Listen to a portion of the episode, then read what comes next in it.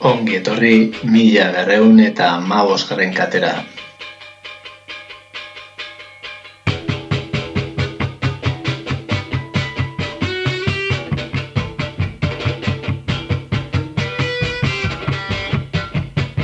Audio kalitateagatik gezurra badirudi ere, kakain zona irratian zaude. Non bestela.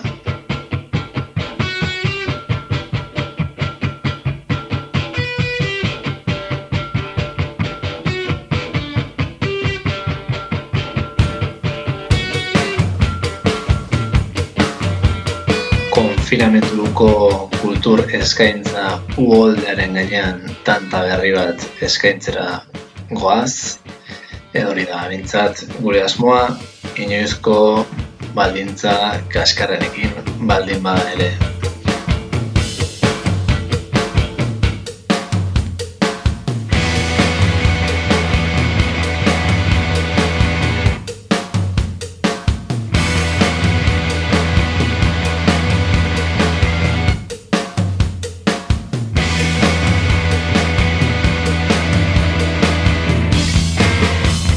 Laro eta emezortzi puntu zeroan, kakainzona.eus atarian, eta arrosa sarearen bitartez edonon entzun gaitzak ezue, mila horan ama osarren katean zaude, esan bezala, eta hau astera doa.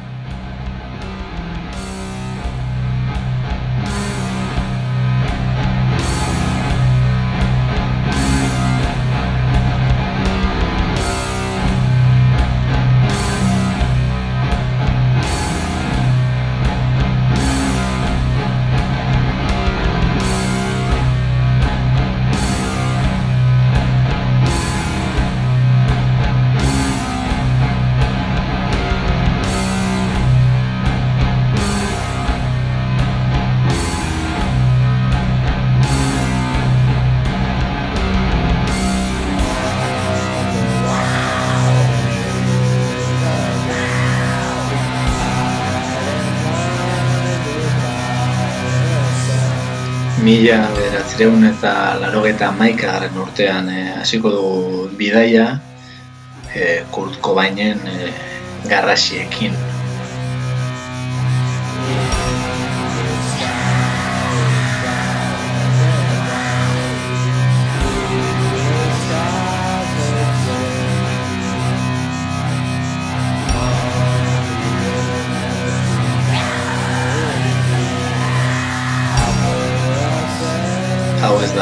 Nirvana ordea, konturatuko zinaten eh, moduan, hau Earth da, eta gaurko protagonista ez da Kurt Cobain, ez da Nirvana, Earth eta Dylan Carlson izango dira gaurko saioaren protagonistak.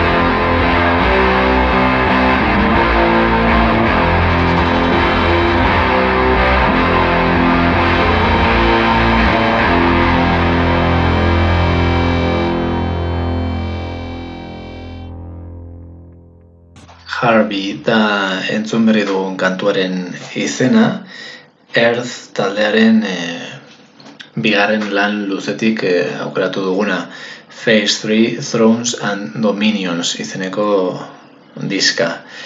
E, honen aurretik e, Kurt Cobainek e, garrasiak jartzen zituen kantu hori ba, beraien lehen e, margitarapenetik e, atera dugu, EP bat izan zena, Extra Capsular Extraction izeneko EPA, esan bezala mila zirunda laro eta amaikakoa, eta kantuaren zati bat entzun dugu, e, kantuaren izena A Bureaucratic Desire for Revenge, bigarren zatia.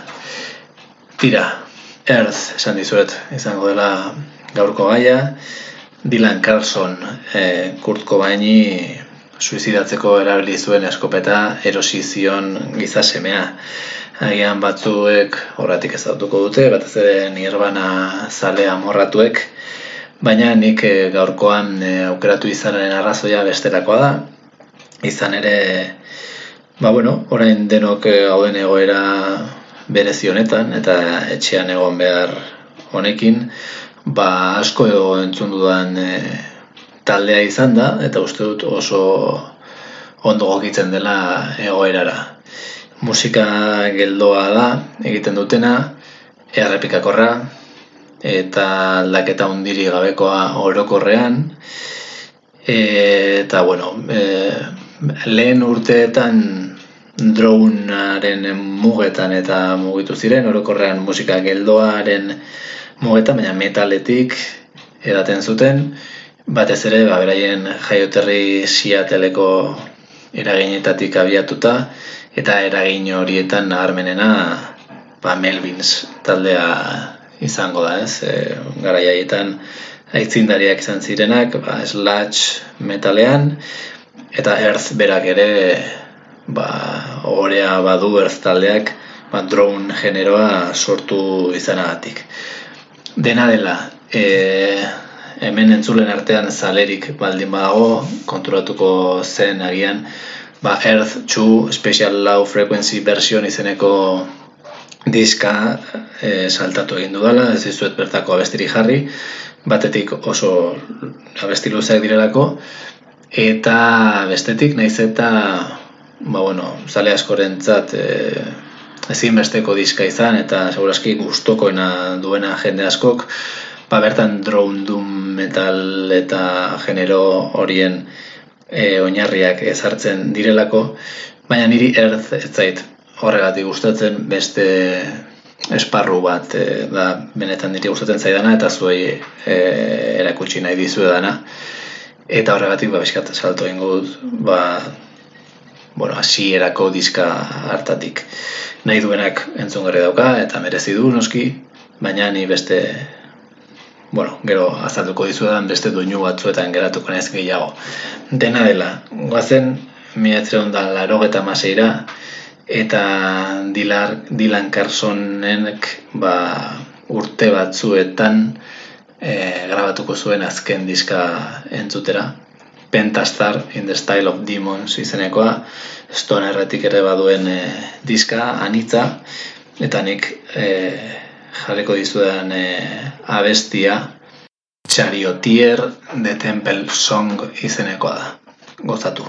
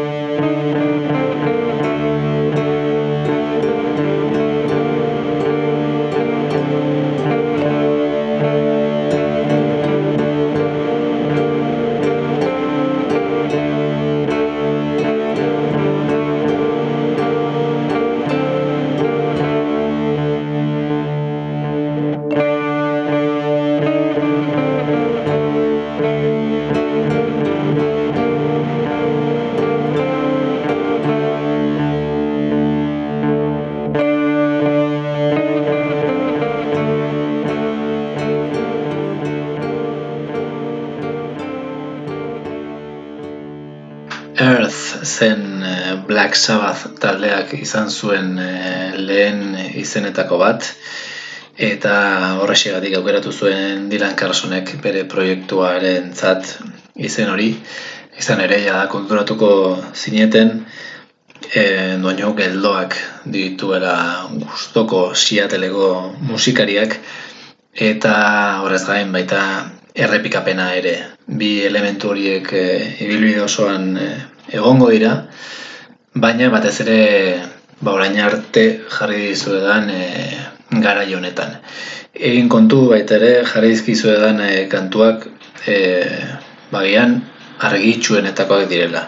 E, diska oso bat e, saltatu dut eta beste disketako abesti agian ilunenak ere.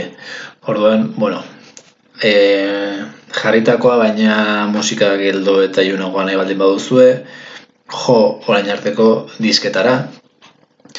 Ze orain e, erzen munduak e, hainbat aldaketa jasango ditu. Izan ere, bueno, esan dizuet Pentastar mila zeron laro eta garren urteko diska badela, eta bi eta bost bitarte erz taldeak ez du beste diskarik argitaratuko. Izan ere, e, Dylan Carson eta beti jari nahi zaipatzen e, izen hau, izan ere Earth proiektuan e, konstantea izan den e, kide bakarra da eta bere proiektutat argenezake. E, Dylan Carson ba, heroina adikzio bat jasan duen pertsona da eta batez ere Kurt Cobainen suizidioaren ondoren adikzio hori adikzio horrek okarrera egin zuen ba, askotan ba, diskak amaitzea ere galarazteraino eta horrek eragin zuen baita lege arazoak berak dioenez. E, ba, bueno, ia mar urtez ba, geldi egotea edo bintzat musika gehiagorik ez sortzea. 2000 eta bosgarren urtean ordea, Earth taldeak e, diska berri bat kaleratu zuen, Hex or Printing the Infernal Method izenekoa, eta bertan e, beraien e, izaeraren parte ziren elementu horiek mantendu arren, ba beste aberastasun bat eta beste giro batzuetan begirada jarrita e, ba bestelako doinu batzuk eta lantzeari ekin zioten. Em, Hex diska segurazki ba, Earth taldearen bigarren bizitza baten lehen e, harri bezala ulertu genezake eta honena segurazki ba, bertako abesti bat entzutea izango da. Ea zer irutzen zaizuen, eitzuleran kontatuko izuet gehiago.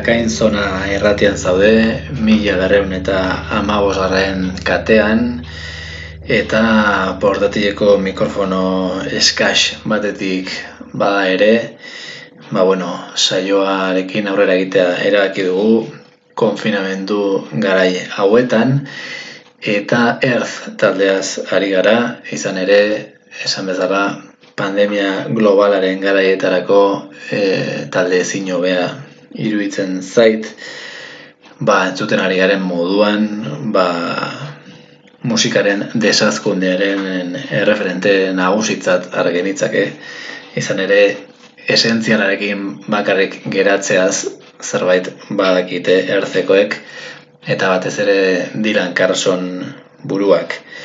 Esan dizuet, e, Hex diskarekin e, berri bati ekin ziotela taldekoek eta bueno, esan dizuet e, geldotasuna hor dago errepikapena hor dago baina jada ez da ensoinu metalikoa eta badu gehiago Ameriketako estatu batuen e, musika herriko edo amerikana musikarekin zer ikusi gehiago eta horren erakusle ere bada e, abestien izenak e, jartzerak orduen egindako aukerak eta izan ere ba, oso abestien izenak oso luzeak dira eta e, fijatu ez gero kontrolatuko gainateke ba, kormak makarziren e, Blood Meridian e, eleberritik hartutako pasarteak direla E, izan ere, ba, bueno, leberri horretan ere, ba, nola bet, mendebaldeko historia bat kotatzen zegu, e, referente bat e, estatuatuetako literaturan, eta adibidez, ba, jarri gizu dana, an inquest concerning teeth izeneko e, abestia da, eta, bueno, ni ez naiz fijatu baina diotenez eleberrian oinarretutako kantuak dira, e, izenak bintzat. E, sandakoa, erzen e, mundu berri hau, ate berriat zabaltzen da, beraien e, ibilbidean, eta bat drone metal e, bueno, eten gabeko errepikapenetan oinarritua izan gabe, ba, evoluzio bat e, nabari da, eta ba, morrikonerenak izan daitezken ikutuak ere soma daitezke. E, hau 2000 ba, 2000 bostean gertatu zen, eta 2000 zazpian e, erzek beste diska kareratu zuen, hibernakulum izenekoa, eta huxe ere ba, etxean hibernatzen zaueterontzat e, ezin egokiagoa. Bertatik aukeratu dudan e, kantua, e, bersioa da, ba, Pentastar e, diskan jada ateratzen zen kantu batena, eta koda maestroso in F flat minor izenekoa da. Ea zer irutzen zaizuen.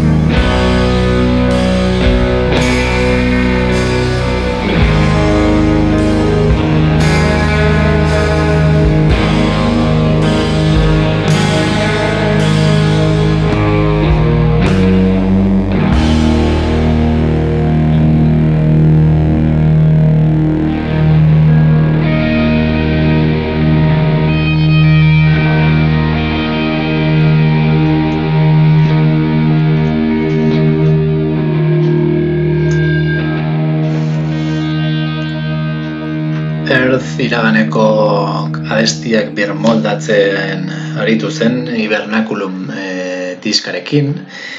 Eta bueno, ba, lau kantuko diska bat izan zen, abesti bat berria, baina abesti irurak ba, zarren birmoldaketak eta urte bete beranduago oraindik ere e, Cormac McCarthyren e, liburuak liuraturik eta bertako esaldiekin e, abesti izenburuak jartzen, ba diska berri bat e, kaleratu zuten erzekoek, The Bees Made Honey in the Lions School. Segurazki etortu behar dut, ba, nire diska izen kutxunenetako bat. Izan ere, esan nahi duena da, erlek ez egin zuten e, lehoiaren garezurrean. Eta, bueno, ba, izen eder bezain egoki horren e, atzean, ba, e, sortzi abestiko diska bat e, zukutatzen zen, ba, orain arteko giroekin, bai, nolabait, e, esentzia, earth esentzia hori eta country, nolabait, country molde horren arteko nasketan oinarritua, eta, bueno, badakizue, erzengan, berez kantu eta mentzat aldaketa handirik ez espero. E, poliki poliki aurrera egiten duten kantuak dira, aberatsak bere sinpletasunean eta horrek egiten ditu horren e, ederrak. E, aipatu nahiko nuke diska hau eta beste bat Southern Lord zigiluan e, kaleratu zituztela. Eta Southern Lord zigi hori basun taldekoen esku dago. E, eta uste dut bere garaian ere aipatu nizuela, baina sun taldeak erzen gati, erzen gandik e, hartu zuen izena. Beraz, e, bueno, talde honen eragina izugarria izan da, hainbat talde erengan, batez ere lehenengo, e, lehenengo garai horretako soinuagatik. Naiz eta niri pertsonalki bigarren garai honetako soinua gehiago gustatzen zaidan eta horregatik ari naizen oinarritzen eh ratsaioa ba soinu honetan. Tira, em hobe isiltzen naiz eta jarriko dizuet The Bees Made Honey in the Lions School izeneko diskako lagin batekin. Gozatu erzen mundu zoragarri honekin.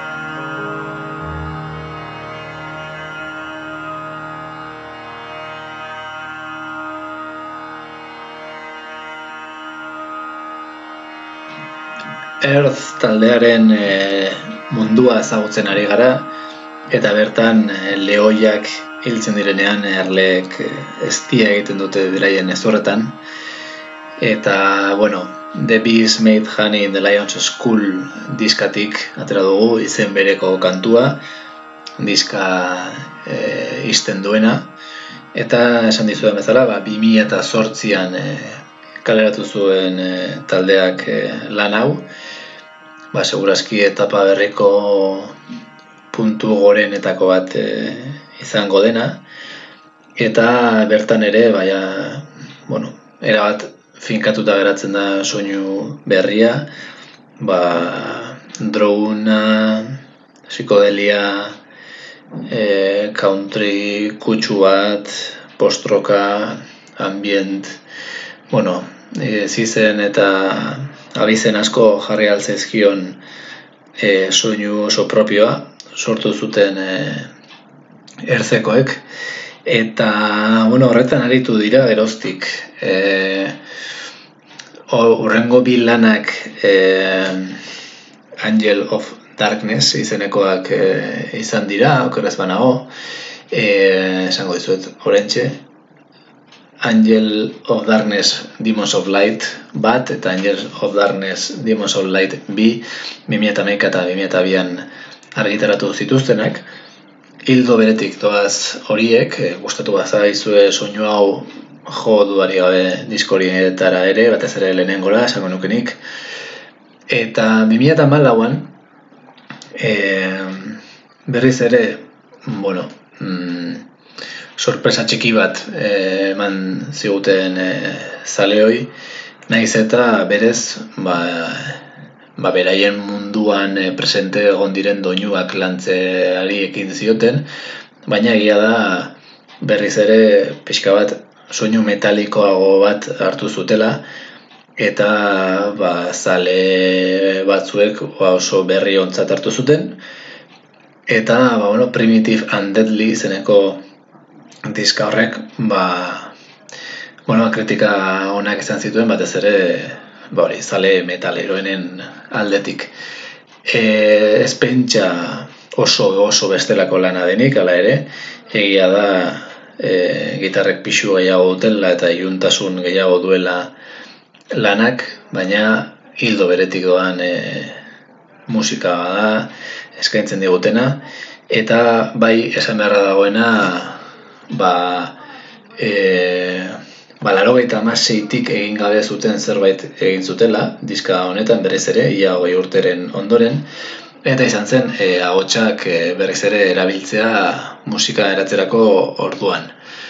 Horretarako, ba, Mark Laneganen gana jo zuten, e, bueno, Screaming Trees eta beste hainbat taldetan aritutako ahots e, grabe ezaguna, eta e, borantxe izena ez daukat, baina beste kantari baten gana ere jo zuten.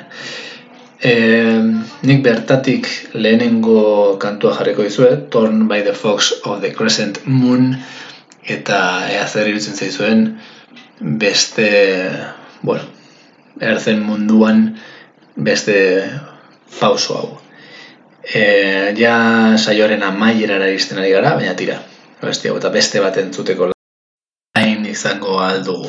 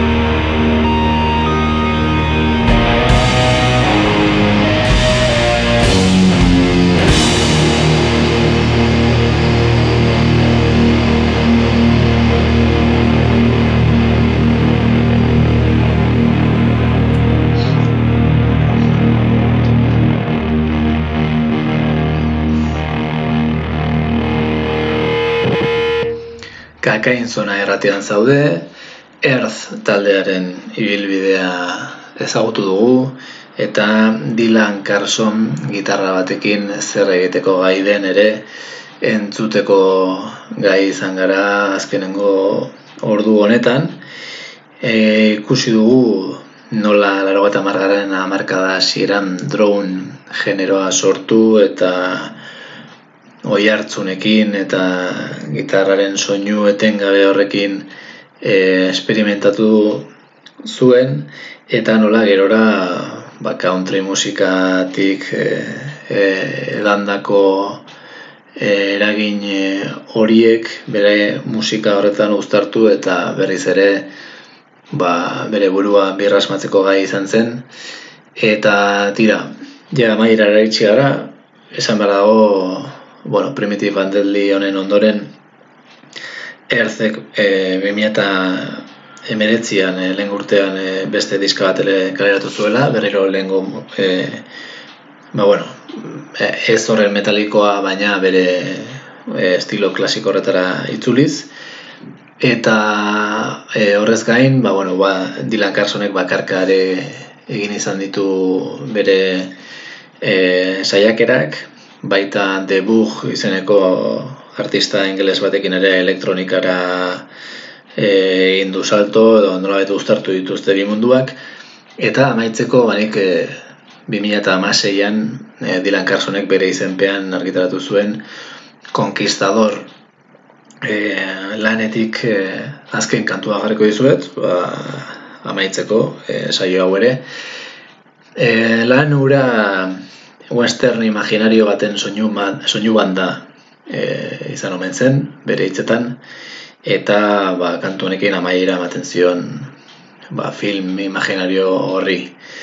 Esan bezala Conquistador, Dylan Carson, ba, genero berriak urratzen eta e, azken ba, berroi hogeta mar urteetan e, ba, musikastunak eman duen e, musikariri garrantzitsunetako bat, dudari gabe, eta dira omen alditxo egin diogu uste dualako baita ere bizi ditugun garaietarako musika egokia dela gustoko baduzue ba garai hauetan egun hauetan e, ikertu ezakezue erzen e, diskografia zabalean eta murgildu musika goxo eta e, errepikakor honen barruan. Tira, besterik gabe, ez dakit urrengo aia fundamentuzko mikrofono batekin egingo dudan edo ez. Ikusiko dugu, zaindu zuek eta zuen ingurukoak, hau Dylan Carsonen musika da, hau e, Richin de Gulf izeneko kantua da. Gozatu eta urren arte.